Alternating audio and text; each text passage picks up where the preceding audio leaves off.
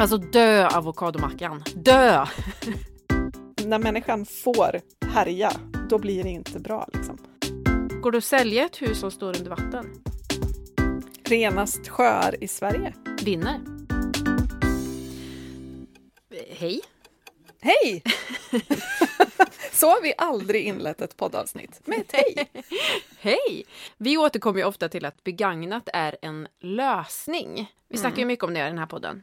Om det är någonting som är mega superduper begagnat så är det ju faktiskt vatten. Vi har samma vatten som dinosaurierna eh, använde. Ja. Det, det tillkommer ju liksom inte något nytt vatten direkt utan det cirkuleras ju runt. Bra tanke där.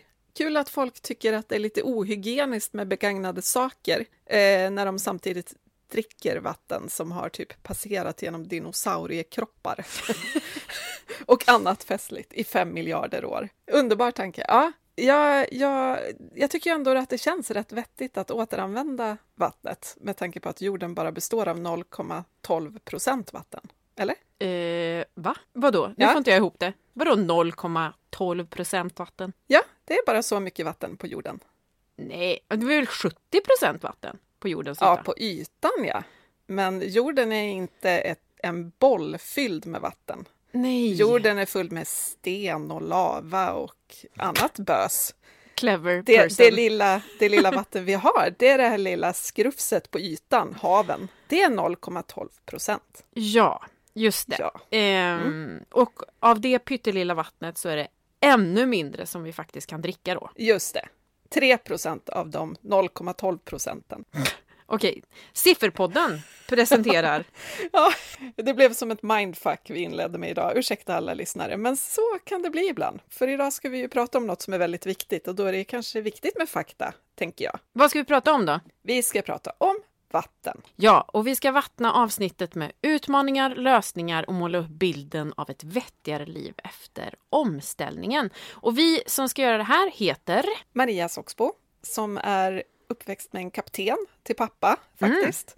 Har sommarhus på en ö med ständig vattenbrist och eh, eh, ja, vad ska jag säga mer? Eh, jag är född i fiskarnas tecken. Ja, jag är vattuman! och jag som är vattuman, jag heter Emma Sund och jag lämnade Midsommarkransen i Stockholm och bygger nu ett hus på en hög höjd i Värmland. Ett landskap som ligger pyrt till när det gäller översvämningar. Men innan vi snackar vatten så ska vi lyssna på ett klipp.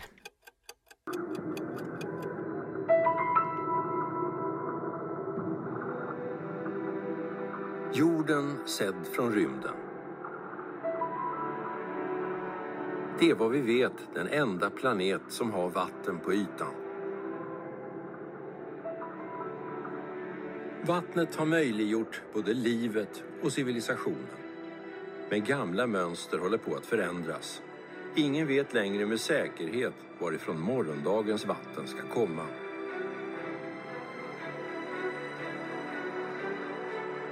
Vattenbrist är redan idag en verklighet för fyra av tio människor. I en nära framtid kommer det att påverka många av oss och på många platser har nedräkningen redan börjat. Det där var ett klipp från dokumentären Dagen då vattnet tar slut. Har du sett den? Ja, det har jag. Den ligger på SVT Play. Eh, jag lärde mig bland annat att det finns över 250 000 pooler bara i Los Angeles County. En plats som för övrigt ligger vid havet om man vill bada. Jag undrar hur många Mm. av de här poolerna som är fyllda med havsvatten och hur många som är fyllda med typ dricksvatten. Men det är väl det att man kanske vill bada i sitt eget dinosaurie-cirkulerade vatten och inte dela med någon annan. Nej, just det.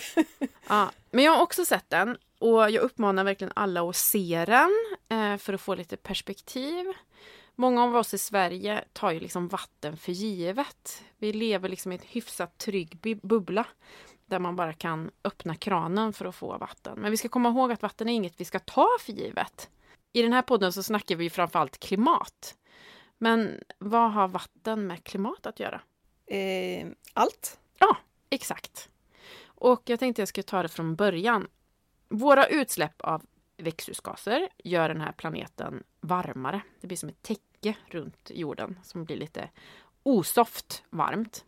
Och ökade temperaturer ger nyckfullare klimat där vattnets förväntade flöden blir totalt uppfackade. Vi är ju liksom vana att regnet kommer någon gång. Vi kan liksom räkna med att det kommer regn någon gång här i Sverige. Eh, men klimatförändringarna gör vädret mindre förutsägbart. Torrare områden blir torrare och blötare områden blir blötare. Skördar torkar bort och eh, mat och blir svårare att få tag i då. Dricksvattnet sinar och det blir ökad risk för skogsbränder när det liksom inte kommer något regn. Det här har vi liksom ena torra sidan och den andra sidan är den blötare varianten och där ser vi ökade havsnivåer, skyfall, översvämningar och brist på dricksvatten där också när havsvatten eh, strilar in där liksom eh, sötvatten. Mm. Och det här är ju, ja, det här är ju både tragiskt allvarligt såklart, men också extremt kostsamt. Ja, precis. Eh, och sen var det ju inte slut där heller. För eftersom is är vatten i frusen form och is smälter när det blir varmare så har vi också det här lilla dilemmat med att jorden blir allt mörkare i takt med att de vita isarna på polerna försvinner. Mm. Eh, och alla som har varit ute en varm sommardag med svarta kläder vet ju att det blir ganska mycket svettigare än om man är klädd i vitt, för, va, eh, för mörka ytor absorberar värme. Mm. Så det här är ju liksom, det blir ju som en, en påskyndad process. Ju mer is som smälter, desto mer is kommer att smälta för att jorden drar åt sig mer och mer värme. Och det här kallas albedoeffekten. Så det är en, en lite jobbig konsekvens av det här som liksom pågår utan att vi kan mm. göra så mycket åt det. En sån där loop som man vill undvika. Precis. En dominoeffekt som man vill stoppa. Ja, exakt. Men eh, det här jobbiga, eh, torrare områden blir torrare och blötare blir blötare och översvämningar och skogsbränder och eh, skördar som torkar bort och brist på dricksvatten. Det händer väl ändå inte här? Det händer väl någon annanstans? Absolut. Remember Gävle! Förra året var det ju brutala översvämningar i Gävle. Flera vänner i Stockholmstrakten hade också översvämningar i sina källare i fjol. Och här i Huddinge där jag bor så spreds det massor av bilder på ja, men så här läskiga bilder på översvämmade parkeringsgarage. När liksom mm. nedgången till garaget, det är bara som en pool. Liksom. Eh, och på pendeltågstationer som låg under vatten och villor som stod till kan man säga midjan i vatten när det gäller en villa, men liksom det var vatten upp på halva ytterdörren. Liksom. Mm. Eh, och samtidigt så var det ju bara några år sedan, 2018, som det var tvärtom i Sverige. Skogarna brann, jag var på Gotland, det var ju knastertorrt. Alltså det var inte ett mm. grönt strå på hela ön. Det här kanske du minns? Du var också där. Jag minns, mina barn frågade mamma, är det vinter nu? För eh, eh, träden släppte sina löv i någon form av stress. Mm. Torkstress. Ja, men jag, var, jag var på Gotland och vi hade 34 grader i köket. Eh, mm. Luften stod totalt still. Det hade inte regnat på hela sommaren så det var sådär knastertrott som du eh, beskrev det. Eh, vi var osäkra på hur mycket vatten vi hade kvar i brunnen. Um, och det gick inte att bada i havet på grund av algblomning. Så vi kunde liksom inte duscha hemma för att svalka oss eller på något sätt ta ett dopp. Och det gick inte att doppa sig i havet. Det var liksom lite panik för allt man ville var ju att doppa huvudet i något kallt. Jag höll på att bli knäpp. Jag och värme är ingen bra kombination. Och alla som var på Gotland försökte ju doppa sig i de här små sjöarna som ligger på Gotland, som inte heter sjöar på Gotland, det heter ju träsk. Vilket betydde att det var ju knökat vid de här träsken. Alla behövde doppa sig. Um, så ganska otrevlig trailer för vad som komma skall här, men också vad som såklart är vardag och verklighet på många andra ställen i, i världen som inte är lika privilegierade. Nej, men exakt. Eh, och det var ju den sommaren som fick oss att starta Klimatklubben också. Ja. Ja, och nu bor jag ju i Karlstad som ligger in till Vänern som är liksom lite tvärt Gotland, torkan. Här pålar eh, dricksvattnet friskt över vår tomt. Men samtidigt hotas regionen av översvämningar. Eh, och just Värmland spås bli allt mer blötare i framtiden. Så det, ja, jag jobbar lite med ytterligheterna här Mm. kanske. Ja, precis. Och Stockholmsregionen där jag bor, den kanske svämmar över ibland då, eh, som i fjol. Men den hotas ju samtidigt av vattenbrist i takt med att havsnivåerna ökar. Eftersom Mälaren tillgodoser ju hela Stockholmsregionen, alltså det är ju två miljoner pers med dricksvatten. Mm. Eh, och vad händer då när havet stiger snabbare än vad landhöjningen gör? Jo, Östersjön spiller in i Mälaren och då blir det inte så nice att dricka längre. Så det Mm. kan man ju fundera på vad som kommer att hända den dagen. Men hur ser det ut i resten av Sverige då? Den totala nederbördsmängden kommer öka i Sverige. Alltså det kommer regna mer. Och mest nederbörd kommer förmodligen landa i norra delen av Sverige medan södra delen kommer få det lite torrare. Vi tänker ju att vatten är bra, såklart. Det är det ju. Eh, men det handlar ju om lagom. Ja. Eh, Vi gillar lagom i Sverige. Ja, man gillar ju lagom. Men förutom att vi behöver vatten att dricka så behöver vi vatten för att odla. Och odlingar behöver lagom med vatten. Det vet alla som har eh, både vattnat ihjäl en krukväxt och torkat ihjäl en krukväxt. Hand upp på Behöver båda. liksom, ja. Eh, alltså odlingar ska ju varken torka ut eller svämmas över. Så vi behöver ju lagom för vår matförsörjning. Och utan vatten så överlever vi ju inte. Nej, så enkelt är det ju. Eh, jag var inne på det förut. Vi, eh, vi, bor ju på, vi bor ju på den blå planeten, så vad fasen är problemet då? Det borde ju inte vara något problem. Vi har ju mängder av vatten. Ja, Så nu ska vi dyka ner i problemet. eller har vi vatten. mängder av vatten? Ja, det kanske är det som vi behöver reda ut. Det är ju skillnad på vatten och vatten. Vi har saltvatten. Det går inte att dricka. Eller alltså det går att dricka, men det har inte den effekten som vi, som vi vill ha. Sötvatten är det som vi kan dricka och det är ju vårt viktigaste livsmedel. Majoriteten, hela 97 procent av vattnet på jorden är saltvatten. Eh, ja, det är ju inte så bra. 3% av eh, allt vatten är sötvatten, alltså det som vi kan dricka. Och hör och häpna, 2% av de här 3 procenten är bundet i glaciärer. Så det kommer vi inte åt. Förrän det smälter och rinner ut i havet och då är det inte sötvatten längre. Nej, precis. Så 1% av vattnet går alltså att dricka och finns i sjöar, vattendrag eller som grundvatten i marken. Och det här vattnet ska vi ju ta hand om big time så att vi kan dricka det även i framtiden. Och kanske att våra och andras barn, nästa generation och deras barn eh, kan dricka det. Rimlig grej. Rimligt, precis. Eh, och det här är ju redan nu för lite, kan man säga. En dag, Mm. Idag är en fjärdedel av jordens befolkning hotad av vattenbrist enligt något som heter World Resources Institute. Och 844 miljoner människor lever utan rent vatten. Det här är ju liksom, det handlar ju inte bara om vattnet i kranen som vi häller upp i ett glas och sen dricker upp, utan väldigt många av de produkter som vi gärna importerar hit till oss i västvärlden, de odlas och produceras på platser som redan är hårt pressade av vattenkrisen. Mm. Eh, mycket, mycket liksom, många grödor behöver ju bevattnas och Mm. då går det också åt vatten. Och vi är ju också så ganska duktiga på att exportera bort våra vattenproblem.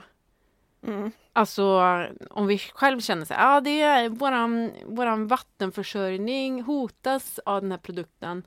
Så det är bättre att den sker någon annanstans.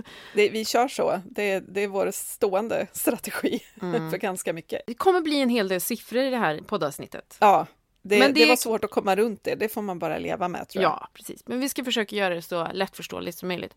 Men i Sverige så använder vi 140 liter vatten om dagen per person. Alltså vi duschar, vi går på toaletten, vi lagar mat och så vidare. Men skulle vi liksom räkna med allt vatten, alltså allt vatten som det går att producera vår mat, eh, våra kläder och andra produkter som vi konsumerar, så gör vi av med, håll i dig, 3900 liter vatten om dagen. Typ 25 fulla badkar per dag. Aha. Alltså, nu skäms jag för att vara människa igen. Det gör jag ganska ofta när vi poddar. Och samtidigt någon annanstans på jorden så är det någon som inte får tag i ens en droppe. Medan jag skvalpar runt i mina 25 badkar som en annan Kardashian. Ja, men jag tänker att vi, vi Ja. tänker nog bara på det vattnet som vi ser, inte det här då som kallas virtuellt vatten, som är liksom kvittot på allt vi konsumerar. Um, vi tänker nog bara, men jag dricker ett glas vatten om dagen och jag kanske kokar lite pasta i vattnet eller eh, potatis eller vad man nu äter. Och sen så kanske man inte tänker så supermycket på hur mycket allt annat har kostat i vatten. Det går åt sjukt mycket vatten till eh, jordbruket för att odla allt vi äter och odlar typ bomull eh, till det som vi har på oss. 70 procent eh, räknar man med av världens sötvatten, alltså det som vi kan dricka, går till jordbruket.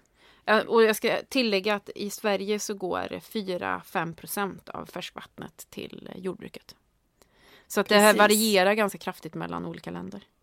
Ja, men exakt. I Sverige regnar det ju ändå en del, mm. så man behöver inte vattna, vattna, vatta. Och vi, vi odlar ju inte heller grödor som kräver fullt så mycket vatten som andra grödor gör. Mm. Men en del grejer vi gillar att äta är ju sånt som det går åt sjuka mängder vatten till. Mandel, till exempel. Eh, det går åt 4 till 12 liter vatten för att odla en mandel. En liten mandel. Det är ofta man också ja. använder en mandel. Ja. Förutom i gröten till jul kanske. Men alltså... Det är kanske den mandeln vi borde unna oss om man ser det så. 80 procent av världens mandelproduktion sker också i Kalifornien. Ja, och där eh. regnar det ju asmycket, eller hur? Ja, men exakt. Nej, det är supertorrt i Kalifornien, så alltså krävs det massor av bevattning. Och en annan sån där grej som vi gillar, avokado, lite guaca till fredagstacos. Mm -hmm. Det går åt över 1100 liter för ett kilo avokado. Är det rimligt att det är fri tillgång på mandlar och avokado i butikerna året runt? Alltså dö avokadomackan, dö!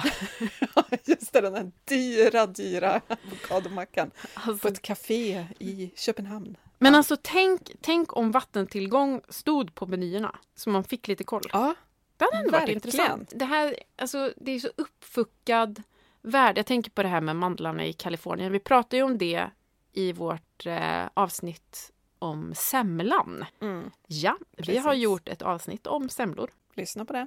Det är så ofta som lokalbefolkningen blir lidande på grund av andras begär efter livsmedel. Ja men typ avokado. Man odlar avokado för att det är money. Eh, det är folk som vill ha det på sin avokadomacka. Samtidigt så lider lokalbefolkningen för att de typ inte har tillgång till dricksvatten längre för brunnarna är tomma. Bra rykte man har där. Förmodligen. Mm. Ja, det är ju det där att mycket av det vi tycker är så götteligött, det, det växer bäst där det är varmt och skönt och då blir det en produktion på torra platser och mm. de blir ju bara torrare hela tiden. Mm. En kopp kaffe kräver 140 liter vatten exempelvis. Det kan man tänka på innan man häller ut kaffet som har blivit kanske lite väl ljummet. Blaskig, jättestor kopp kaffe. Alltså. Jädrar, det är inget hästkaffe där inte. 140 liter tack. Men eh, ska vi kika lite på köttet också? Det är ju så tacksamt att göra när man ska prata podd och klimat. Japp.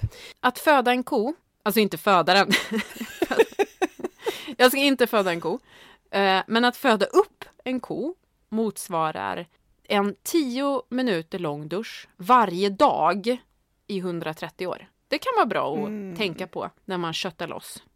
Och en hamburgare kräver 2300 liter vatten och en biff 3700 liter. Alltså det här med ja. köttfri måndag. Vi skippar det eller? Ja. Och sen så kör ja, vi, vi köttmåndag om man absolut behöver en köttbit och sen så kanske man bara ska skippa köttet. Eller så långt hur? det går. Söndagsstek en köttbit i veckan är ju hållbart och det är ju knappt man tror det när man hör 3700 liter. Liksom. Men du, ska vi lämna vårt privilegierade matbord ett ja. ögonblick och lyfta blicken ut i världen ett tag? För medan vi unnar oss mandlar och avokado och köttbitar så lever 2,3 miljarder människor, en fjärdedel av jordens befolkning, i länder där tillgången på rent vatten är hotad. 2018, den där varma, varma året som vi minns, när vi tyckte att det var lite jobbigt att vara på Gotland i 34 grader varmt och inte kunde duscha. Ja, men då hade 3,6 miljarder människor otillräcklig tillgång på vatten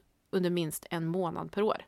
Och eh, mm. 2050, eh, då är mina barn ungefär lika gamla som jag är nu, så förväntas siffran ha stigit till mer än 5 miljarder människor. Enligt en rapport om vattenresurser från Världsmeteorologiska organisationen WMO. Ja, fem miljarder människor. Vad kul poddavsnitt det här blev! Ja men superroligt! För er som är nya lyssnare så brukar vi börja med den här smockan i början och sen så går vi loss på lösningarna och göttet i slutet. Ja, så precis. Så hang ni, in som there. pallades, ni som pallade smockan och inte tuppade av, ni kommer att få lite göttigt sen som plåster på såren. Ja, men som vi var inne på förut så högre temperaturer ger förändringar i nederbörden. Regnmönstren förändras och växtsäsongerna förändras. Alltså det där som vi typ vilar allt på. Vår, Hela vår matförsörjning vilar på det här och nu riskerar det att fuckas upp. Totally. Det är bara att tänka på Sverige där växtzonerna klättrar norrut med 12 meter per dygn. Att det är klart att man inte kan odla som man alltid har odlat när det plötsligt blir en annan växtzon där man bor. Och för oss är det oftast positivt, för det betyder ju att vi kan odla lite fler saker lite längre norrut. Men längre söderut så betyder det typ att det som den växtzon som överhuvudtaget går att odla i försvinner. Precis. Vi har ju pratat om det här i tidigare avsnitt om jag inte minns fel. Just att Ja. alltså, stor del av vår matförsörjning kommer idag från Spanien som riskerar att- få svårt att använda sin, sin mark för odling i framtiden för att det blir för torrt och varmt. Och så händer det ju massa konstiga saker. Jag lärde mig också att eh, i takt med att vi skövlar regnskogen, regn, alltså, det, det låter ju som att det växer bra där för att det regnar så mycket. Men i själva verket är det tvärtom. Skulle det inte finnas skog där så regnar det inte där. Eh, för att liksom, skogen är det som gör att vattnet kretsar på det sättet att det hela tiden faller ner igen på samma plats. Så tar vi bort skogen, då, då regnar det inte så mycket där och då går det ju inte heller att odla i det området så småningom. Så det här är så otroligt mycket som hänger ihop och det får så stora konsekvenser. Vissa delar av världen drabbas ju av för mycket vatten och det är främst i Asien. Eh, där har katastrofer relaterat till översvämningar mer än fördubblats de senaste 20 åren. Det är en ökning med 134 procent. Och i Afrika är det liksom tvärtom. De senaste 20 åren har torrperioderna blivit 29 procent vanligare och längre. Och det är ju, kan man ju fatta vad det innebär. Det är ju redan torrt. Liksom. Alltså de stora problemen som vi pratar om, det är ju nå någonting som sker någon annanstans. Men vi har ju såklart ett ansvar Ja, eh, eftersom vi i Sverige lever som att det inte fanns en morgondag. Jag vill bara säga det så man har in mind. Alltså, vi lever ju på bekostnad av andra människors chans till ett drägligt liv. så är det ju. Mm. Det, är ju. det kan vi ju inte bara sopa under mattan och låtsas som att det inte existerar. Men du, har du någon vattenreserv? Är du liksom orolig för din egen vattentillgång? Bra fråga.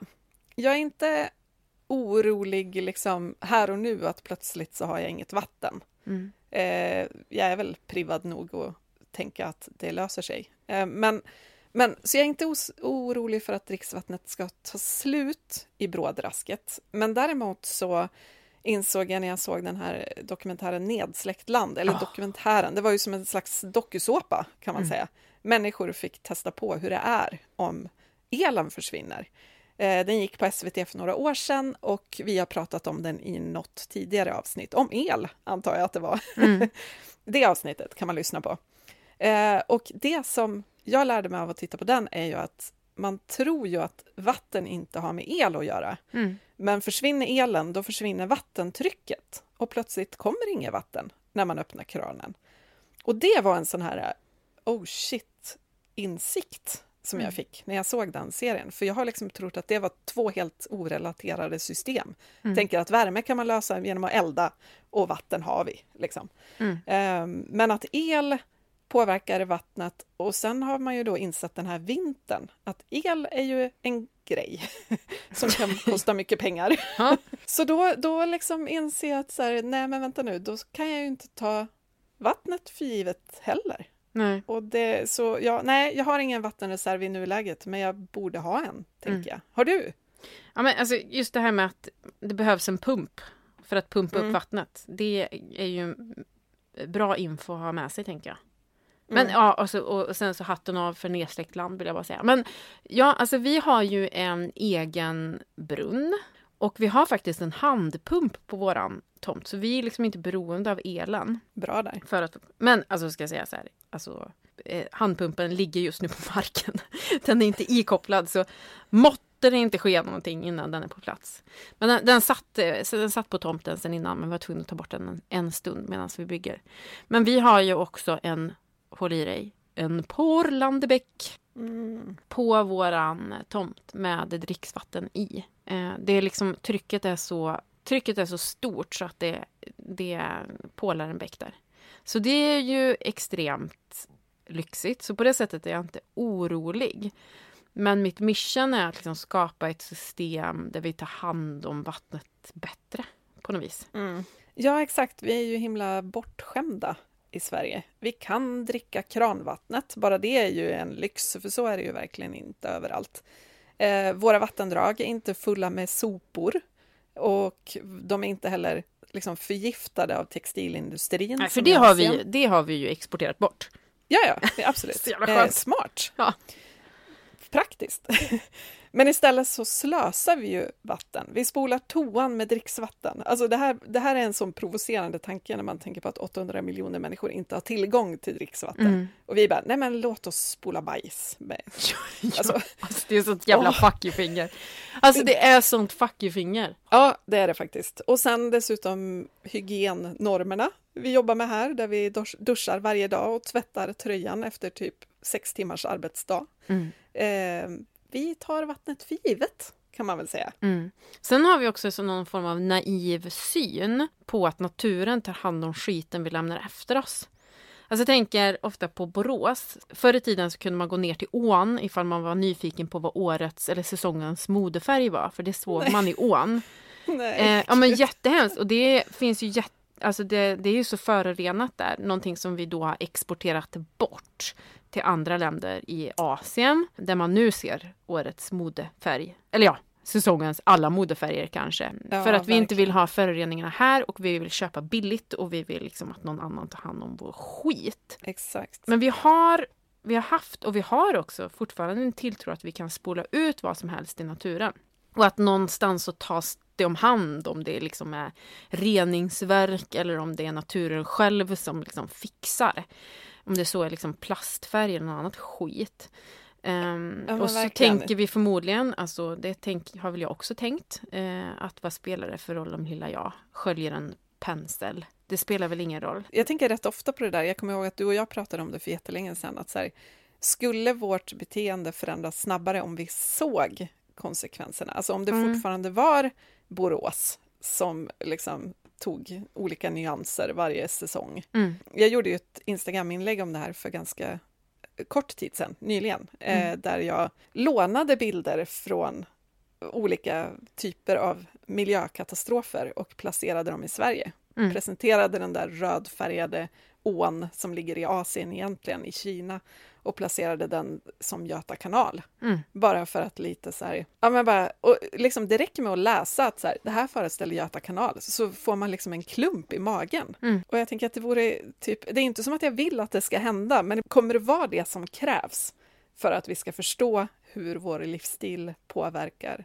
naturen? Alltså allt från gruvor med barnarbetare och eh, gifter på bomullsfälten som vi ska utsätta oss för. Precis, brinnande el, såna här e-waste dumps Mm. och plastförorenade stränder och allt det här. Liksom. Mm. Vi har också i något sammanhang pratat om det här, men man borde verkligen sätta konsekvensen där konsumtionen är som störst. Äter man mest avokadomackor på Södermalm så kanske kanske där som vattentillgången ska strypas först då. Bara för att man ska få, förlåt, ursäkta Södermalm. Nej men bara för att man ska få liksom, alltså närhetsprincipen är så viktig oavsett om man pratar klimat eller liksom vatten. Och det är ju det som, det är därför vi liksom inte agerar efter allvaret för att det känns för långt bort. Ja men exakt. Anledningen till att jag skrev det där Instagram-inlägget var ju för att jag ville prata medielogik lite grann. Mm. Det fick jag lära mig på Journalisthögskolan att eh, närhetsprincipen innebär att saker får mer utrymme i media ju närmare antingen geografiskt eller kulturellt Mm. det är till läsarna. Det vill säga, sker det terrordåd i New York så blir det jättestort i Sverige för att New York är så nära oss kulturellt. Mm. Sker det i Afghanistan så är det en annan femma. Liksom. Och samma sak, en översvämning i Gävle får mer uppmärksamhet än en översvämning i Bangladesh, även om det kanske dog hundratusen människor i Bangladesh. Liksom. Och det här är ju, det, det är ju liksom, det är en vidrig människologik, Mm. men den stämmer ju. Det är ju så, vi bryr oss mindre om det som vi inte kan relatera till. Mm. Och det gäller ju i allra högsta grad klimatkrisen. Därför är det ju så bra med perspektiv. Och så bra att vi finns. Klapp, klapp på lilla axeln. Aktiebolaget Okej. Storhetsvann presenterar Plan B-podden.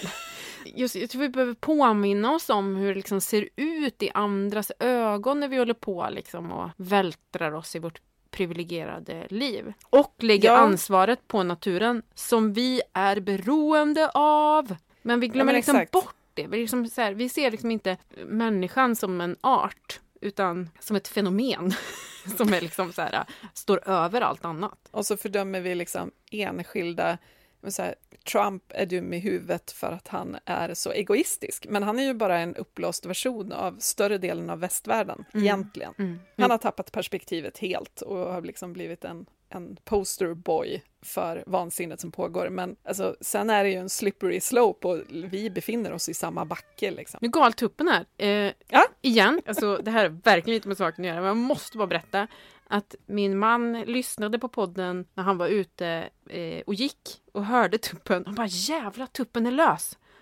Han var, det lät så jädra nära. Men det är för att våran tupp då, Bladis, är ständigt närvarande i podden. Vi kanske bara borde skriva in Bladis som en, en co-host. Ja, så nu är det dags för Reklam! reklam. Vi är ju som sagt väldigt bra, väldigt, väldigt bra på att använda vatten i Sverige. Vi duschar ofta, tvättar hela tiden, typ. Och då blir det ju ganska viktigt att ha lite koll på vad vi spolar ut i avloppet, eller hur? Rimlig sak att eh, ha koll på. Yes. Så därför ringde jag upp Sara Viktorsson på Svenska Krämfabriken. De har startat ett märke med rengöringsprodukter som heter Five Oceans. Och det hörs ju liksom på namnet att vatten är i fokus för dem. Ska vi lyssna? Ja.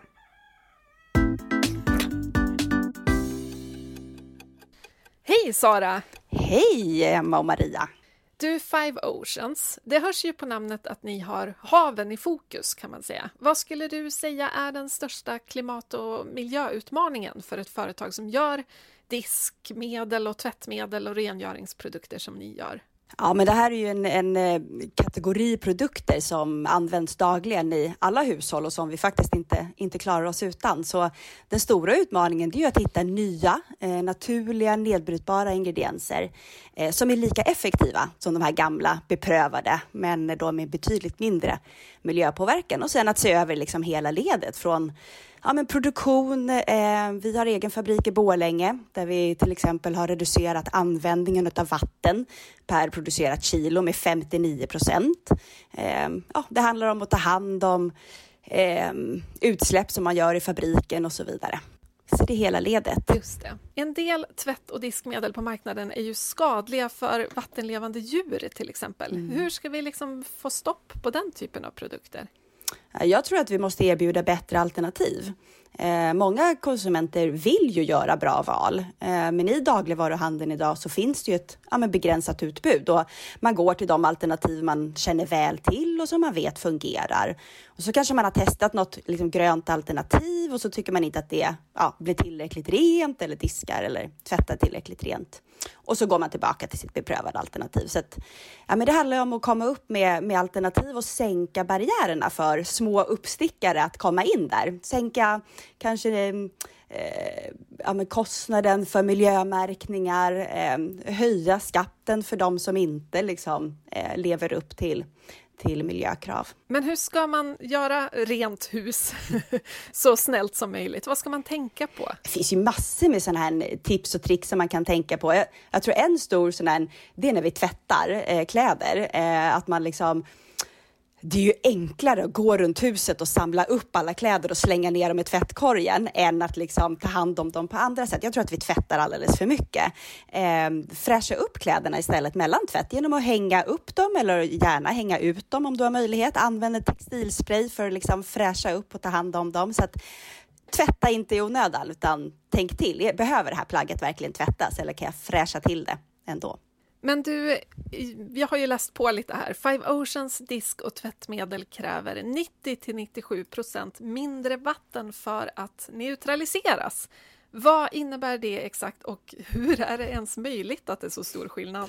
Ja, det, det är faktiskt en väldigt bra fråga. Det är så att man hissnar ju när man hör siffrorna. Nej, men nyckeln i de här produkterna handlar om enkelhet, alltså inga onödiga ingredienser eh, som ändå ger ett bättre resultat. Och det som verkligen påverkar det här låga vattenavtrycket för Five Oceans, det är den tensid som vi har valt att använda. Eh, tensid är ju då det här ytaktiva tvålämnet, det, liksom det rengörande ämnet. Eh, och det kommer från socker, vilket gör att det är en helt naturlig och eh, helt biologiskt nedbrytbar ingrediens. Och det är det då som i kombination med, med de andra ingredienserna, oljor och så vidare, som gör att vi får det här extremt låga CDV-värdet, alltså eh, critical dilution value, hur mycket vatten behövs för att eh, neutralisera produkten när den släpps ut. För det handlar ju inte om vattnet i diskmaskinen till exempel, Nej. utan det handlar om vatten i naturen. Exakt, så det handlar om liksom när vi släpper ifrån oss då de här, eh, det här diskmedlet eller tvättmedlet efter att vi har diskat och tvättat. Hur mycket vatten i naturen behövs det för att den här produkten då inte längre ska ha någon, någon effekt, någon miljöpåverkan. Ni har ju också produkter som är tänkta att uppmuntra oss att tvätta mindre, eller hur? Mm. Det stämmer. Vi har en, en fabric freshener. Det är en textilspray som man då kan använda just på sina plagg eh, mellan tvättar. Eh, men du kan ha den på all typ av textil, så inte bara på kläder, utan du kan ju även. Eh, jag sprayar till exempel mina lakan med den varje morgon för att liksom de ska hålla sig fräscha längre, så jag behöver tvätta dem lite mer sällan. Eh, men jag kan också spraya mina tyg, tygstolar, eh, min soffa och så vidare och så vidare. Och vad det här är ju då en spray som är, alltså det är mycket mer än ett doftande linnevatten, utan det är en teknisk produkt eh, som också vårdar och stärker textilfibrerna. Eh, så det är ju fantastiskt, så att vi får plagg som eh, verkligen blir uppfräschade men också skyddade och håller, håller bättre helt enkelt. Det är liksom två flugor i ett, verkligen. mer sällan och stärk produkten, ja, eller stärk plagget. Ja, det, är en, ja. det är en riktigt häftig produkt. Den innehåller havre bland annat och en betaglukan som vi har ett resultat på.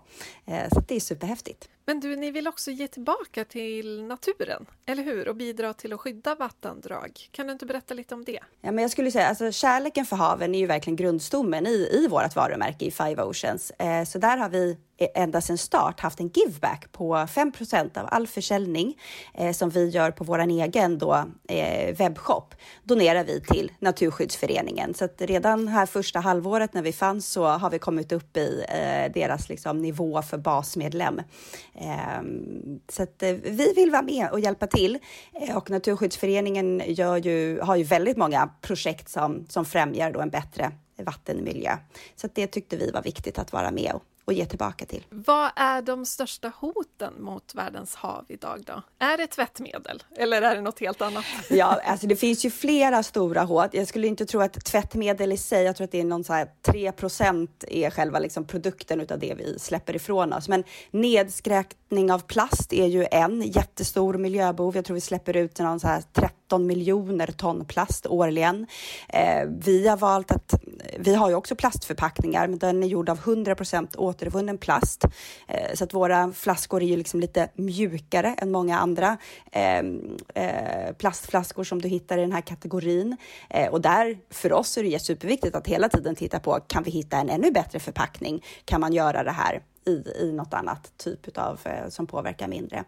Eh, men sen är det också såklart utsläpp av miljögifter, övergödning, överfiske, våra klimatförändringar. Så att det finns eh, många hot och eh, ekolivet i vattnet. Man vet ju inte heller lika mycket om det kanske som det som händer på land, för det är ju en enorm eh, stor liksom det finns så mycket arter som man inte riktigt har koll på i, i haven och vad det påverkar, att vi är inne och stör hela den liksom kedjan. Det, det tror jag inte ens att vi vet idag, vilka, vilka effekter det kan få framåt. all anledning att tänka till vad vi häller ut i avloppet med andra ord. Ja men verkligen. Och finns det liksom alternativ så, så tycker jag att det, det är det som vi måste jobba på helt enkelt. Att erbjuda alternativ som, som faktiskt fungerar och som levererar ett resultat. Eh, eh, men som ändå i, har en betydligt då lägre eh, påverkan på, på miljön. Jättebra. Tack snälla Sara för att vi fick låna dig en stund. Ja men tack snälla för att jag fick vara med. Alltså jag gillar verkligen att de är taggade på att utvecklas. Alltså innovationer som gör det enklare för oss att göra rätt. Eller hur? Och jag gillar verkligen också det här tänket hos Five Oceans, att de är, de är noga med vad som händer med deras produkter när de åker ut i avloppet. Alltså ansvaret som de tar slutar inte på butikshyllan. Det Nej. gillar jag. Alltså det, borde, det tänket borde ju alla företag ha. Eller Ja. krav på att, att man tar ansvar över produktens fullständiga livslängd. Ett slags självpåtaget producentansvar utan att det är lag på det. Liksom. Så vill man testa Five Oceans produkter, då är det ett ganska bra läge nu, skulle jag vilja säga. För med koden PLANB25 alltså plan B i ett ord med små bokstäver och 25 med siffror, så får man 25% på alla produkter på fiveoceanshome.se. Precis, och koden gäller en gång per kund och till och med 30 april 2022 och kan inte kombineras med andra rabatter. Tack till Five Oceans för vettigt vattentänk och för att ni backar plan B-podden förstås. Ja! Ja, vi har ju varit inne på det här med konsumtion, va? Mm, mm. Alltså gud vad den här tuppen gal. Ja, ehm, Han vill köpa något. han vill Det det han köpa något. Yes. Och vi har varit inne på maten som eh, kräver sjukt mycket vatten. Men det gör ju också andra delar av vår konsumtion. Typ ett par jeans som jag har på mig idag. Mm, jag med. Ja men härligt. 11 000 liter kostar Ja. ett par jeans i, i vattenåtgång. Och det är liksom tillräckligt med dricksvatten till en person i 10 år. Eh, Jag ja. lät verkligen som en maskin när jag sa det. Men ja, alltså det är ju så sjukt. Skulle man köpa jeans begagnat istället för nytt så sparar man sjukt mycket vatten. ja, för ett kilo nyproducerad textil jämfört med ett kilo second hand textil. Skillnaden är minst 8100 liter vatten. Mm. Alltså, herregud. Bomull är ett material som vi är ganska vassa på att använda i våra kläder och eh, heminredning. Bomull odlas i torra områden där det är brist på vatten. Fräscht! Va- Varför går det åt så jädra mycket vatten? Men det är dels för odlingen av bomull och sen så beredningen av textilerna. Mellan 10 000 och 30 000 liter går det åt för att producera ett kilo textil. Mm, mysigt. Och då är det ju alltså, då används sötvatten såklart som annars kunde ha eh, varit lokalbefolkningen till gagn i form av dricksvatten. Vi tänker ju gärna på bomull som ett bra material Mm. för att det är ett naturmaterial jämfört med polyester som är gjort av olja och sådär. Men bomull har ju definitivt också sina nackdelar och det är lätt att glömma bort det när man bara tänker ekobomull till exempel. Mm. Eh, vilket är bättre för det är mindre gift, eller det är inget gift och det är ju jättebra för miljön där man odlar och för arbetarna som ska hantera det. Men vatten krävs fortfarande, Mm. absolut. Vi, vi ska också komma ihåg att företagen vill ju gärna att vi fokuserar på det här med material. Alltså inte volymerna som, som produceras. Eh, det vill man sällan prata så mycket om. Därför luras vi in att liksom göra ett hållbart köp eh, genom att så här, åh, ekologisk bomull. Men vi behöver ju konsumera sjukt mycket mindre nyproducerat. Då blir det vatten över till Mm. folk som kan dricka upp det. Jag tänker bara Ja. på det här hur, hur vi såg på vatten förr i tiden när man liksom var tvungen att bära in vattnet som man använde. Alltså det är jobbigt att bära så därför så tar man ju såklart hand om, om eh, vattnet, tänker man sig. Ja, och att man var tvungen att värma upp det. Det Ja. vill säga, man tog inte en, en liksom halvtimmes lång dusch, det kanske ingen gör, men liksom en lång varm dusch. Det gjorde man inte för att du var ju tvungen att värma upp allt vatten som du skulle hälla över kroppen. Mm. Ganska jobbigt. Och många lägenheter hade ju inte dusch. Nej. Min mamma bodde i Gamla stan eh, när hon var ung. Och hon åkte till Centralbadet, tror jag det var, i Stockholm. En gång i veckan. Jag vet inte om det var så ofta. Ja, men för att liksom tvaga sig. Ja, men nu snackar vi ju normer. Ja. Precis som att nya kläder är norm jämfört med att köpa begagnat, så är det ju norm att till exempel duscha eh, ofta och länge och Mm. Och vill man få lite bättre koll på just hygiennormer, då kan man lyssna på vårt avsnitt om badrumsskåpet. Där Mm. biktar vi oss kring vår personliga hygien också.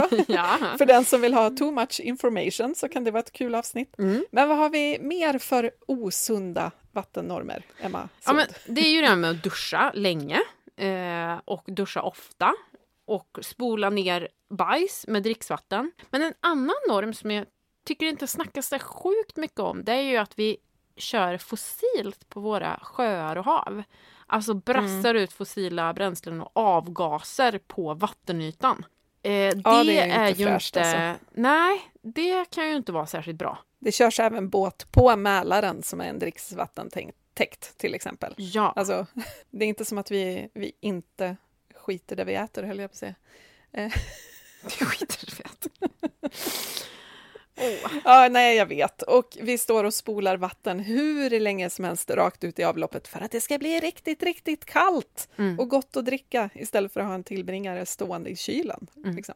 Och även om jag tycker att det är hemskt att Gotland typ alltid har vattenbrist på sommaren, eh, det är ju bedrövligt jobbigt såklart, för de som bor där framförallt, inte för Ja. mig som bara är där några veckor. Ehm, men jag är samtidigt lite glad över att jag med jämna mellanrum liksom fått öva på att inte ta vatten för givet och att Mm. mina barn får öva på det. Jag tänker att det är ganska nyttigt för bortskämda samtidsmänniskor som Mm. vi. Eh, plus att jag fasen känner mig som en lite bättre människa när jag står omgiven av hinkar i duschen för att liksom samla på mig det som rinner av mig som jag sen kan hälla på blommorna till exempel. Mm. Jag har ju också haft ett hus på Gotland och jag minns någon gång när regnet kom efter att det hade varit snortorrt.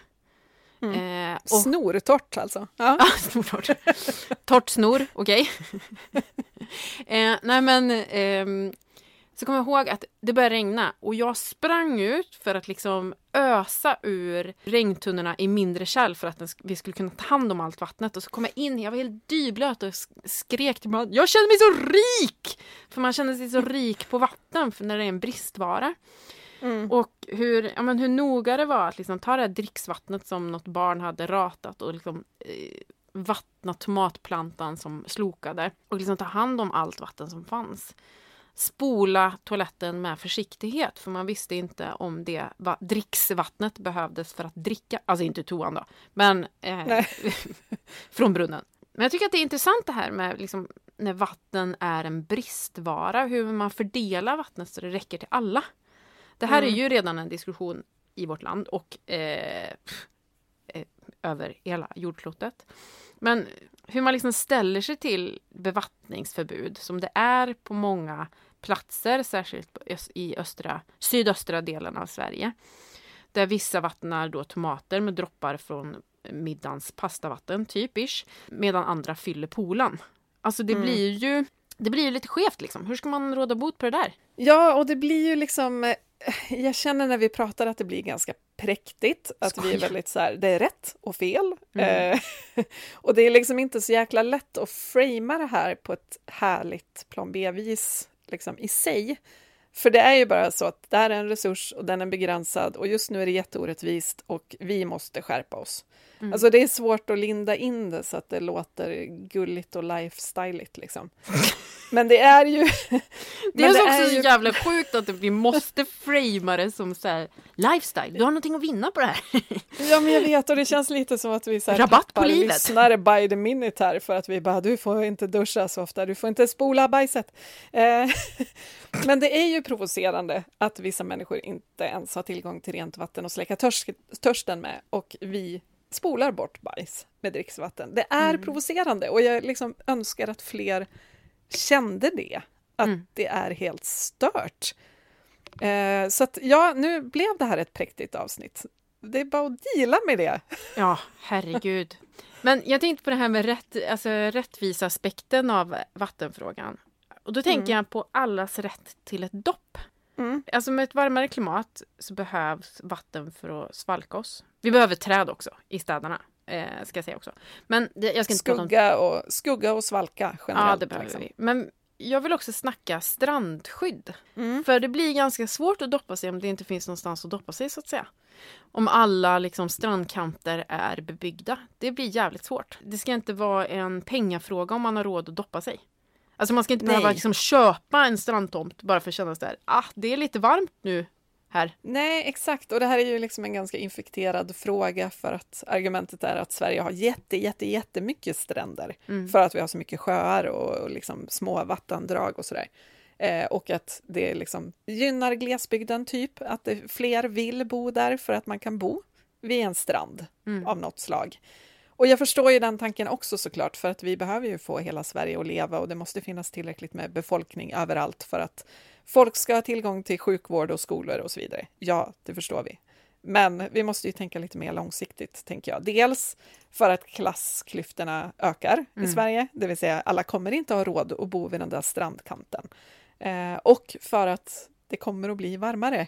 Alla måste kunna svalka sig. Liksom. Mm. Och vi måste vara mer rädda om våra vattendrag. Alltså de kanske inte är hotade här och nu, men de blir ju det om vi exploaterar mer, exploaterar mer och mer, så att djurlivet som finns vid stränderna eh, måste flytta sig och så vidare. Mm. Men också att man planerar in kommunala badplatser som är till för alla. Man kanske inte behöver bo exakt vid strandkanten, man kan ju fortfarande bygga 200 meter bort så Mm. att det, man kan springa ut i morgonrock och doppa sig, men att alla får springa ut och doppa sig. Liksom. Mm. I somras så eh, kunde man läsa artiklar om att det var slagsmål vid stränderna i Skåne. De behövde typ vakter. För att, Ja, och det ska vi också komma ihåg att värme, det, det gynnar ju inte direkt, direkt eh, konflikthantering om man säger så.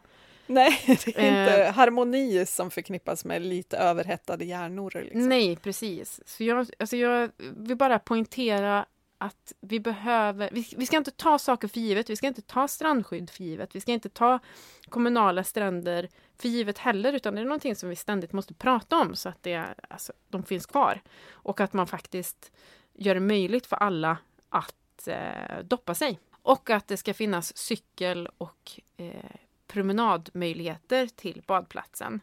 För jag Mm. tror att det var mycket det här med slagsmålet i Skåne var väl parkering, folk som inte fick plats med sina Nej, bilar. exakt. Och Precis. eh, ja, då ska man ju göra det enklare att göra rätt, alltså cykla och gå till sin kommunala badplats.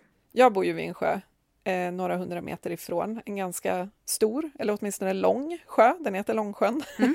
och det är ungefär fem kilometer runt den, så det är ganska lång liksom, strandkant. Men jag skulle ju säga att 89 eller 93 procent eller någonting är inte tillgänglig för att det är väldigt bebyggt här. Mm. Utan det finns en, en riktig strand och så finns det ett gäng liksom, utplacerade bryggor runt om. Och den, alltså det hade varit bedrövligt sorgligt om man inte någonstans kunde nå vattnet för Mm. att det var tomter runt hela. Det är ju liksom en jättestor anledning till att vi bor just här, är ju att det är så nära till sjön. Det är jättemysigt att promenera i villaområdena också längs eh, liksom sjön. Alltså, jag har inget emot dem som bor där, Nej, men det hade varit jätte, jättehemskt om det inte hade lämnats en kommunal badplats och ett gäng små bryggor utpetade mellan liksom, bryggorna så att även de på andra sidan jämfört med stranden kan doppa sig. ja men exakt. Alltså jag fattar ju verkligen grejen med att bo nära en strand, det är inte så. Ja, Men jag tror också att vi måste ta i ganska rejält när man planerar möjligheten för folk att doppa sig, eller kommunala stränder, eftersom det kommer bli varmare. Då vill man ju inte att de som inte har råd med strandtomt ska liksom bli bortschasade till den här stora kroppssoppan där folk trängs. Eh, För att det, det vill man ju inte heller. Alltså så här, några har jättegott om plats att doppa sig och är ensamma medan de som inte har råd med, med strandtomt, de blir liksom eh, hänvisade till liksom knökade stränder och bryggor. Det vill man ju inte utan man måste ta i rejält för Ja. allas möjlighet att ta ett dopp. Sen rent generellt också, alltså att bygga jättenära strandkanterna är kanske inte så himla smart. Nej. Med tanke på att det kommer regna mer i Sverige och eh, vi har en liksom, havsnivåhöjning. Så det kanske är ganska gött att lämna plats så att vattnet har någonstans att ta vägen annat än in i folks hus. Liksom. Precis. Apropå det man hör nu eh, desto mer är att försäkringar slutar gälla för att eh, till exempel ja, men husförsäkringar för att husen är belägna på ett ställe där det inte är värt för försäkringsbolagen att liksom punga ut pengar. Precis. Har inte ni något sånt där exempel i Karlstad-trakten på lägenheter som har byggts för nära. Ja, jag tror faktiskt att det var ett exempel i Kristinehamn eh, där man kan bo jättefint nära vattnet. Alltså inget snack om saken, det är superfint. Men, men jag tror att det var något reportage på SVT Nyheter tror jag det var, där de som har köpt boendet har förlitat sig på att det har gjorts en grundlig undersökning kring hur, hur liksom vattnet rör sig. Och det kanske inte riktigt var liksom förenligt med en liksom längre framtids ett längre framtidsperspektiv. Så man vet med andra ord inte om man kan bo där resten av livet? Nej, eller om det var en god investering, för det handlar ju också om människors, individers investeringar och pengar. Går ja. det att sälja ett hus som står under vatten? Ja. Lite jobbigt läge. Ja. ja. Nej, ja. så att det är ju liksom, strandskyddet har ju flera aspekter. Det kanske faktiskt är ganska bra att skydda stränderna för att vi inte ska kunna bygga så nära så att husen sen tappar i värde. Vi ska prata lite om vår vårdslösa hantering av vatten. Mm. Vi är ju ganska duktiga på som sagt att spola ut både det ena och det andra i eh, våra vattendrag och tänka att det löser sig. Bokstavligen, det löser sig. Det löser sig. Ja, och det, det gör det ju, fast det kan ju gå åt otroligt mycket vatten innan det löser sig, så att säga. Och det är ju inte överallt det finns så mycket vatten, så att det kan spädas och spädas och spädas tills det inte gör skada längre. Mm. Det här är lite av en killgissning, men jag tänker att vi pratar ju ganska ofta om cocktaileffekten när det gäller vad vi stoppar i oss.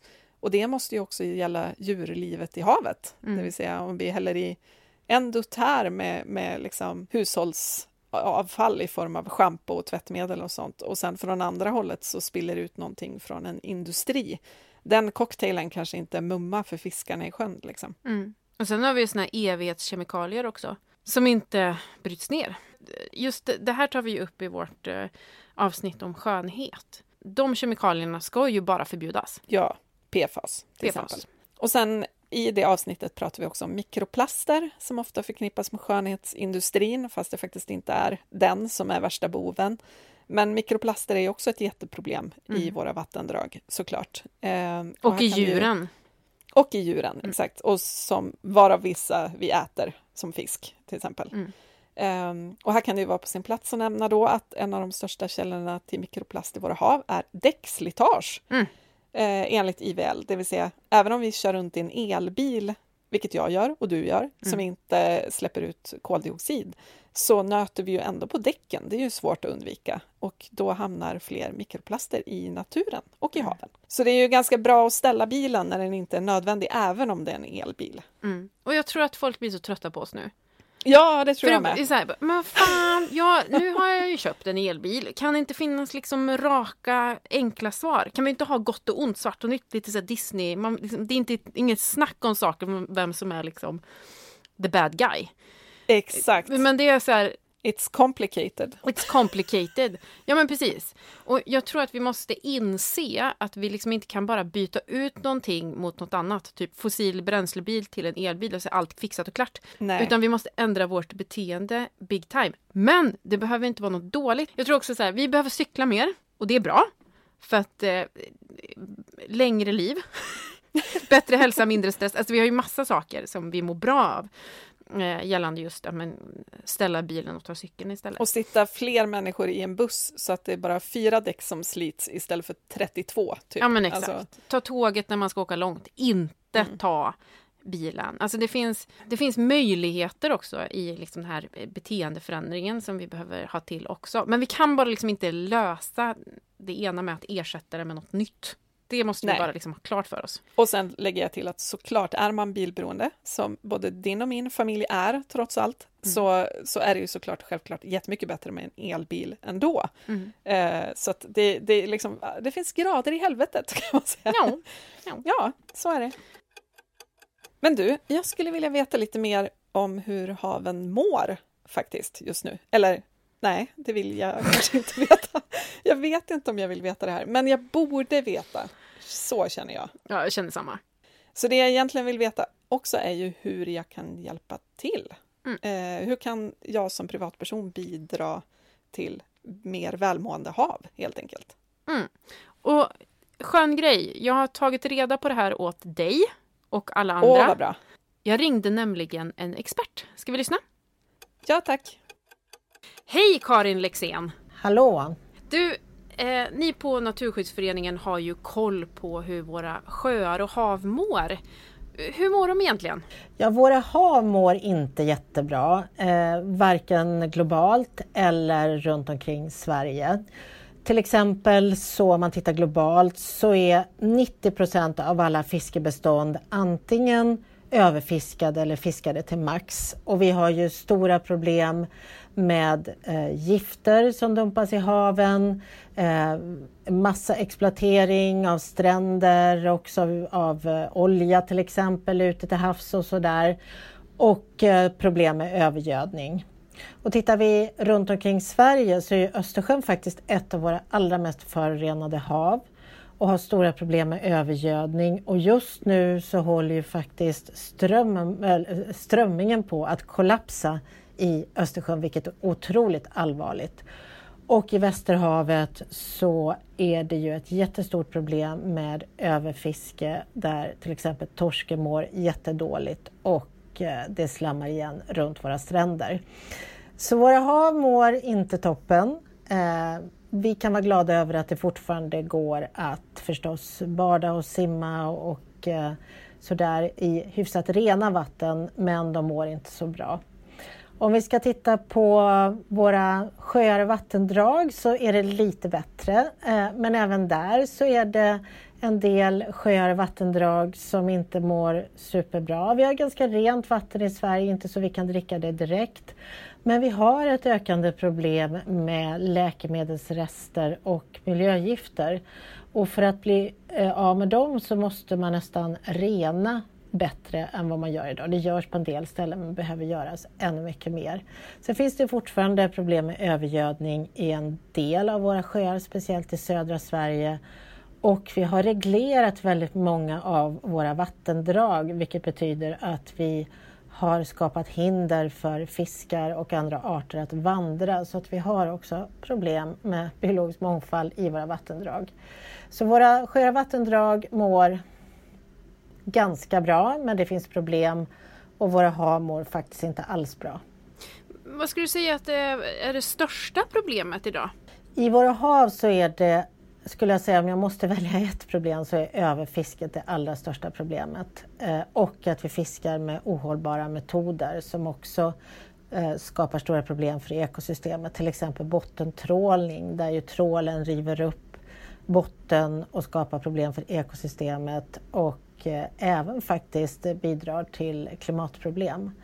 Ehm, ett annat problem är att vi dumpar en massa plast och miljögifter och ett tredje problem i våra hav är eh, övergödningen och speciellt i Östersjön är det ett stort problem.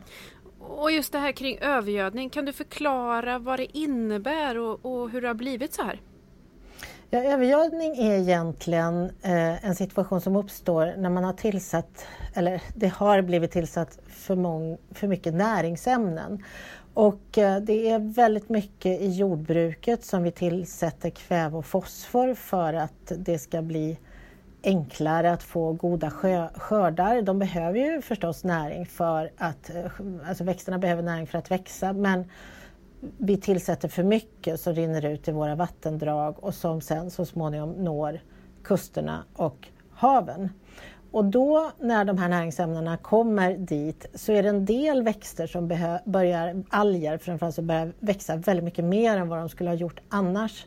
Och då skapar det rubbningar i ekosystemen och eh, på vissa platser som till exempel i Östersjön så leder det till syrefria bottnar, det vill säga syret blir helt konsumerat och eh, det skapar i sin tur nya problem. Ja, kemikalier, mikroplaster och övergödning, hur vänder vi trenden och vad ser du för lösningar?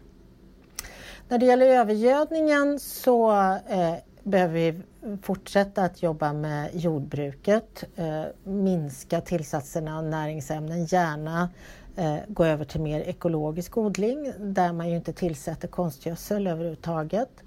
Eh, och när det gäller miljögifter så det finns ett miljögift som heter PFAS som vi tycker ska totalförbjudas och det är på gång i EU med förbud för vissa av dem eh, men måste fortsätta.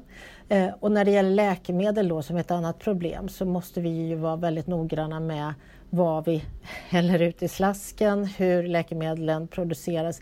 Men där behöver det också faktiskt införas rening i reningsverken.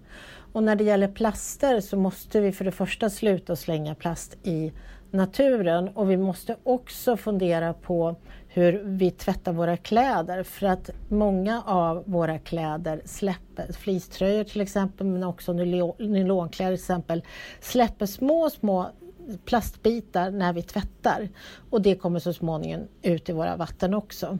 Så vi måste bli mycket mer noggranna med hur vi använder vår plast och ta vara på den ordentligt.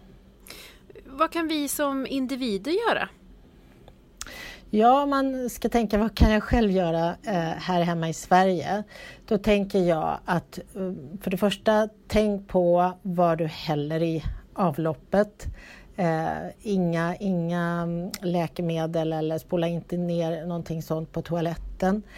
Tänk på att inte tvätta dina kläder oft, mer ofta än vad du behöver. Eh, köp gärna kläder som inte Eh, bildar mikroplast, eh, det vill säga inte nylon och den typen av, av material eh, och inte flis så mycket heller att tvätta inte så ofta. Det finns också filter som man kan sätta in för det. Och när det gäller övergödningen så kan du som individ bidra med att köpa ekologisk mat. Om du får säga om en vettigare framtid för våra vattendrag, hur ser den ut och hur lever vi vattensmart i framtiden tror du? Ja, att leva vattensmart är ju eh, att tänka på vad vi, vad vi tillsätter både våra vatten och hav och jag har ju varit inne på att jordbruket är en viktig bit där. Men det handlar också om eh, att eh, sluta med överfisket och skadliga eh, fiskemetoder och förstås måste det här är politiska förändringar som måste till och det måste vi vara med och driva på och det gör Naturskyddsföreningen på olika sätt. Så behöver vi också ett starkare skydd för våra hav. Och i FN-sammanhang så, så, arbetar man just nu med, och både FN och EU, att få ett 30-procentigt skydd och det tror jag är jätteviktigt. Eh, och sen så behöver vi också tänka på hur vi använder det vatten som finns. Det är en problematik på global nivå att färskvattnet faktiskt inte räcker till alla och att väldigt många människor saknar tillgång till rent vatten.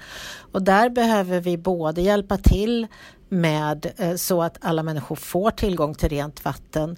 Men vi behöver också tänka på vad vi äter och vad vi har på oss och hur mycket vatten som krävdes för att producera det. Så att vi behöver tänka på att inte överkonsumera prylar och kläder och mat och att fundera på hur mycket vatten som används för att producera alltihopa det här. Så en blandning av att eh, driva på politiskt, vilket Naturskyddsföreningen gör och man får gärna stötta Naturskyddsföreningen att göra det och att man själv tänker på vad man köper för mat, gärna ekologisk, titta efter eh, grönmärkt fisk i fiskdisken och eh, tänk på vilka kläder och möbler du använder. Tack så mycket för att vi fick låna din expertis och för alla handfasta tips. Tack själv. Ja men nu, nu ska vi kika in i framtiden som såklart ska bli vettigare om vi får bestämma. Ja, men här vill jag faktiskt se någon, en grej också. Att, mm. Ja, jag kan förstå att det kan vara lite gruvsamt att klicka igång Plan B-podden eh, ganska ofta eftersom vi nästan alltid börjar med vad är problemet? Mm. Och så säger vi en massa dåliga saker. Men det jag vill påminna om är ju att vi inte beskriver Alltså, eh, vi beskriver ju nutiden, vad som är fel med den. Det är inte så att vi säger den här, liksom, det här dåliga är vi på väg mot. Mm. Det blir man inte pepp av. Vi vill ju bara beskriva vad som är dåligt med samtiden nu för att vi ska bli pepp på att förändra den. Ja! Eh, så att framtiden är ljus. Precis. Det är liksom det som är poängen. Så att vi, jag hoppas att ni står ut med vårt, vårt liksom klankande på nutiden. För det, ska, det är egentligen bara till för att det ska bli lite lättare att skiljas från den. Ja, precis. Vi är ju Optimistpodden. Jajamän. Ja. och lösningen är såklart att först och främst minska utsläppen för att stoppa värre klimatförändringar. De klimatförändringar som har skett kan vi inte göra något mycket åt, men vi kan förhindra en värre situation. Och det ska vi såklart göra. Ja. Men sen så apropå lösningar och framtiden och hur jag tror att vi kommer se på vatten. Och det, jag tror att vi kommer prata mer och mer om vatten som en resurs som vi ska behandla med försiktighet. Och det tror jag också att vi kommer, så kommer vi prata om el också. Eh, Det är Mm. inte någonting som är liksom fritt fram att använda utan det är någonting som vi är väldigt försiktiga med. Överhuvudtaget, alltså skogen, mineraler, allt sånt där. Ja. Vi kommer ju att vara mycket mer resursmedvetna i framtiden, tänker jag. Och det är en bra grej, det, det är jättebra. Eh, och jag, jag tror precis som du att liksom, börjar vi se vatten som en, en eh, liksom, värdefull resurs, då är det ganska uppenbart att man inte spolar ut en massa vatten rakt ut bara, utan orsak. Liksom. Jag tror att det kommer att bli en helt annan standard för väldigt mycket av det vi har idag. Eh, på vissa sätt händer det ju redan, alltså såna här snålspolande munstycken och sånt. Men alltså jag tror vi kommer att levla upp ganska hårt på den fronten. Mm. Till exempel i Japan, de, de är bra på toaletter i Japan har jag insett. Det är väldigt high tech. Trade, trademark. Trademark. Ja, precis. Och där finns det ju redan toaletter som har som ett mini-handfat ovanpå vattentanken. Med en liten kran och så ett litet avlopp. Liksom. Men avloppet går ju tillbaka ner i tanken. Så när man har varit på toa så tvättar man händerna där och då spolas liksom tvålvattnet från handtvätten tillbaka ner i tan- tanken och så kan man spola med det. Rimligt. Alltså, Rimligt! Varför gjorde man inte toaletter så från men början? spola med gråvatten. Det borde ju alla. Exakt. Ja, men om man ska spola med vatten. Det är ju inte självklart. Ja. Men om man ska göra det så ska man ju såklart göra det med gråvatten. Ja men verkligen. Och det är ju liksom, det finns också moderna duschar som liksom samlar upp vattnet som rinner av kroppen och renar det lite och så kommer det ut en gång till i duschen Mm. och så runt, runt liksom. Och den typen av standard tror jag kommer att vara helt självklar i framtiden. Ja. Kommer här, den här tidsperioden vi lever i nu kommer vara som så här, vad fan hade ni engångstoaletter typ som Ah. använde vattnet en gång? Eh, det, det kommer att ses som ett plastbestick, liksom. så korkat kommer det att se ut. Jag håller jag. med. Jag håller verkligen med. Jag tror också på det här, apropå det här som vi pratade om innan, att känna sig rik. Mm. Pengar kommer förmodligen inte vara vår största drivkraft, utan vi kan känna oss rik på andra saker. Typ Mm. Exakt. vatten. Ja, men, och det, verkligen, jag tror det också. Vi kommer att ha en helt annan uppskattning, tror jag. Det är lite som med ja, långsökt koppling här, förlåt, men pandemin och att vi inte liksom har kunnat ses fysiskt lika mycket och vi har inte fått lika många kramar och vi har inte fått gått på fest. Alla såna här grejer som vi har tagit för givet togs ifrån oss ett tag. Mm. Och då börjar man uppskatta det mycket mer. Och jag tänker att jag hoppas att vi får lite samma uppskattning för rent vatten, till exempel. Mm. Att det verkligen blir som så här, fasen vad härligt med ett glas kallt, friskt vatten. Liksom. Att det Mm. inte bara är en självklarhet. Ja, men verkligen. Jag tror också i framtiden att vi kommer se fossilfria sjöar. Jag Mm. tror att det kommer ses som helt befängt att vi åkte båt och vattenskoter som pruttat ut avgaser rakt ner i vattnet och våra vattenlevande djur som är liksom beroende av det här sötvattnet.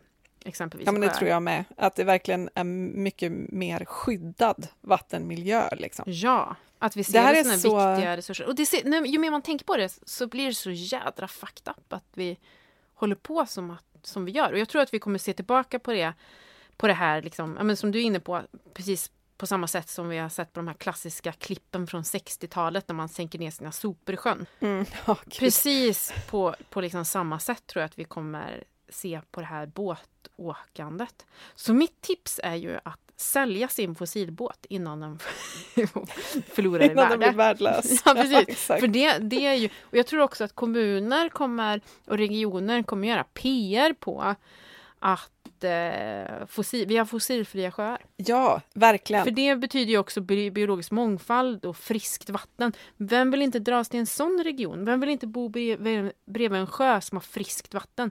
Det här är liksom värden som vi kommer lockas av att bo nära. Eller hur? Rik natur, friska sjöar, friskt vatten, frisk luft. Det här är ju de liksom nya grejerna som vi kommer lockas av. Att vi inte pratar lika mycket om femstjärniga hotell utan femstjärniga miljöer. Liksom. Det här kanske jag får ångra. Men här kommer en flygbikt.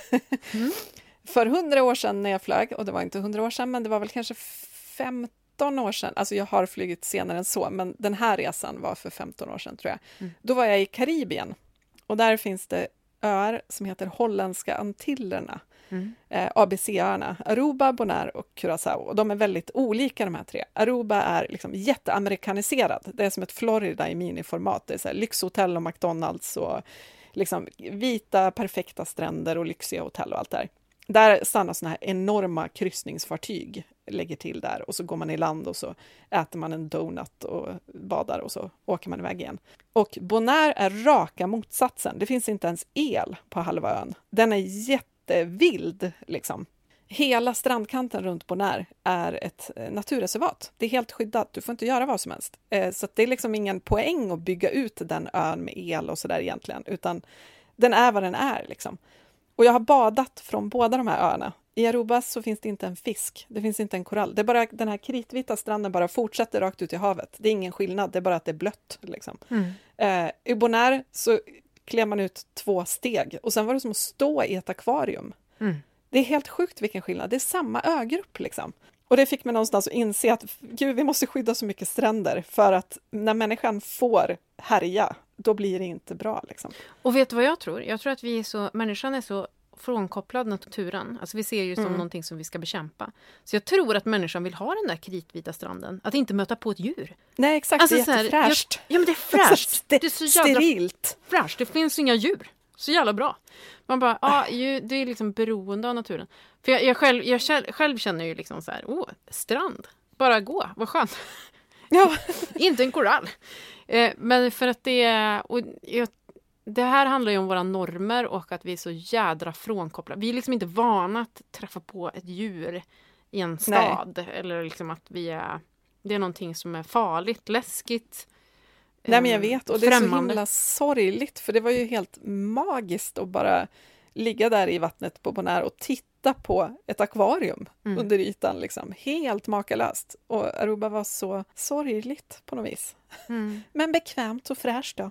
Liten ja. parentes, men alltså plan B-livet är Bonaire, känner jag. Att Precis. bara kunna uppleva naturen runt hörnet, överallt. Så att alla lyssnare bara vet att du, du flyger ju inte längre. Nej, nej. Jag, nej. Det gör jag inte. Jag har inte flugit på fyra år. Nej. Har inga planer på att göra det heller. Nej. Även om vi skojar om det ibland. I vissa avsnitt har jag märkt. När det är dött på Instagram i någon vecka, då är vi egentligen eh, på Aruba. Ja, exakt. Men vi bara uppdaterar Eller, inte om det. Nej, Nej exakt. skojar bara. Nej. Skulle aldrig hända.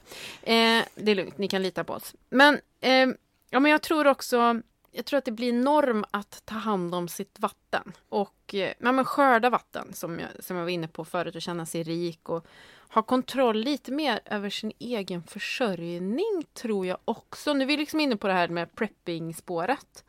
Men ja. jag tror att det kan ses som en säkerhet. Kanske att det är liksom också i, i framtidens bostadsannons.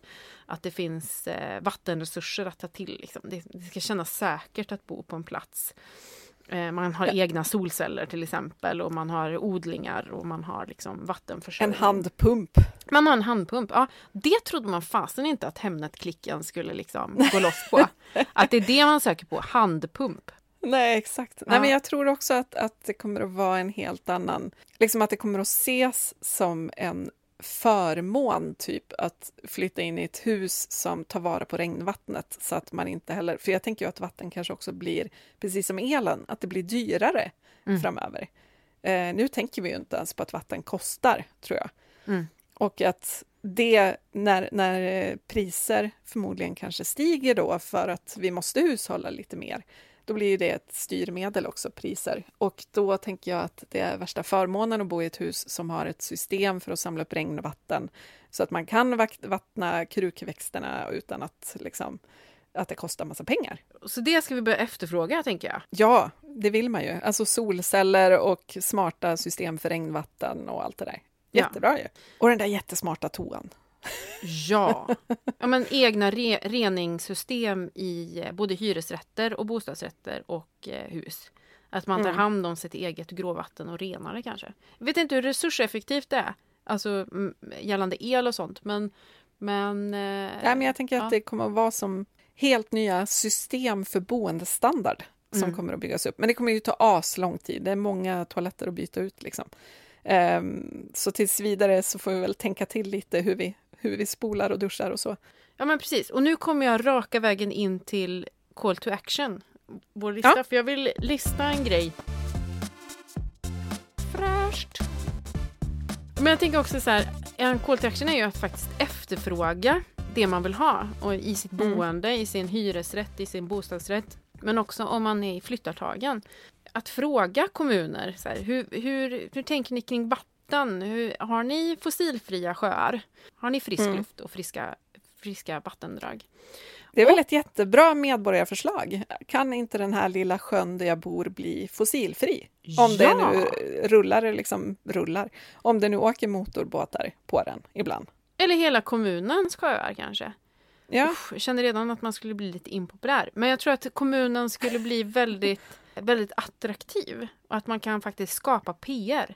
Så det ska man också trycka på sin kommun. Att det här är bra PR för liksom framtidens Sverige. renast sjöar i Sverige. Vinner. Exakt. Nej, men jag tror ärligt talat att det kommer komma listor på sånt här. Eh, Ja. Alltså så här, Sveriges, Rankingar. Sveriges friskaste kommun. Där vill jag bo. Det tror jag med. Jag med. Och jag vill också besöka en sån kommun. Alltså, jag vill vara turist där. För det låter ju ashärligt. En annan call to action då. Jag tänker att det är bra att börja se vatten som en bristvara redan nu. Mm. Alltså innan det blir det. Köra Gotlandstänket hela året och överallt. Det vill säga inte låta kranen spola i en evighet för ett glas kallt vatten utan ha det i kylen. Vädra snarare än tvätta, återanvända vatten där det går och sådär. Och det, ja, det låter präktigt och lite torrt och tråkigt, men det är fan en bra grej att göra och det är så himla lätt. Mm. Då känner man ju att man gör något. Jag tycker ändå att det är ett sätt att må lite bättre när världen står i brand. Liksom. Ja. Men alltså, fan, jag tycker inte att det är präktigt. Jag tycker bara att det är smart. Ja, ja, bra. Alltså, det måste jag ändå säga. och det är, inte, det är inte en stor uppoffring. Liksom. Det, att tvätta tar tid. Att vädra tar ingen tid. Nej, Det är bara att hänga ut den. Liksom. Så att man sparar ju lite hushållsarbetstid som kan läggas på roligare saker. Som att bada i en sjö.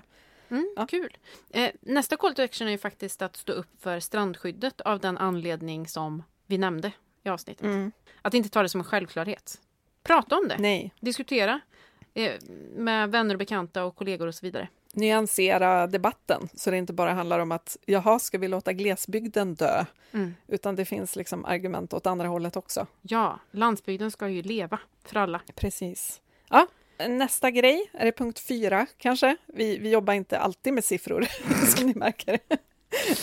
Men välj produkter med omsorg. Eh, alla rengöringsmedel, både sånt som vi använder på kroppen och på disken och i huset på olika vis, de rinner ju ut i avloppet på ett eller annat sätt. Så skippa onödigt starka grejer och överdosera inte. Det har vi också en tendens att göra. Det är liksom norm att tänka, jag tar lite till så blir det extra fräscht. Mm. Men oftast så har det ju ingen effekt. Eh, Liksom den rekommenderade dosen räcker ju. Och sista punkten blir att backa organisationer som jobbar för natur och miljö och våra hav och vattendrag.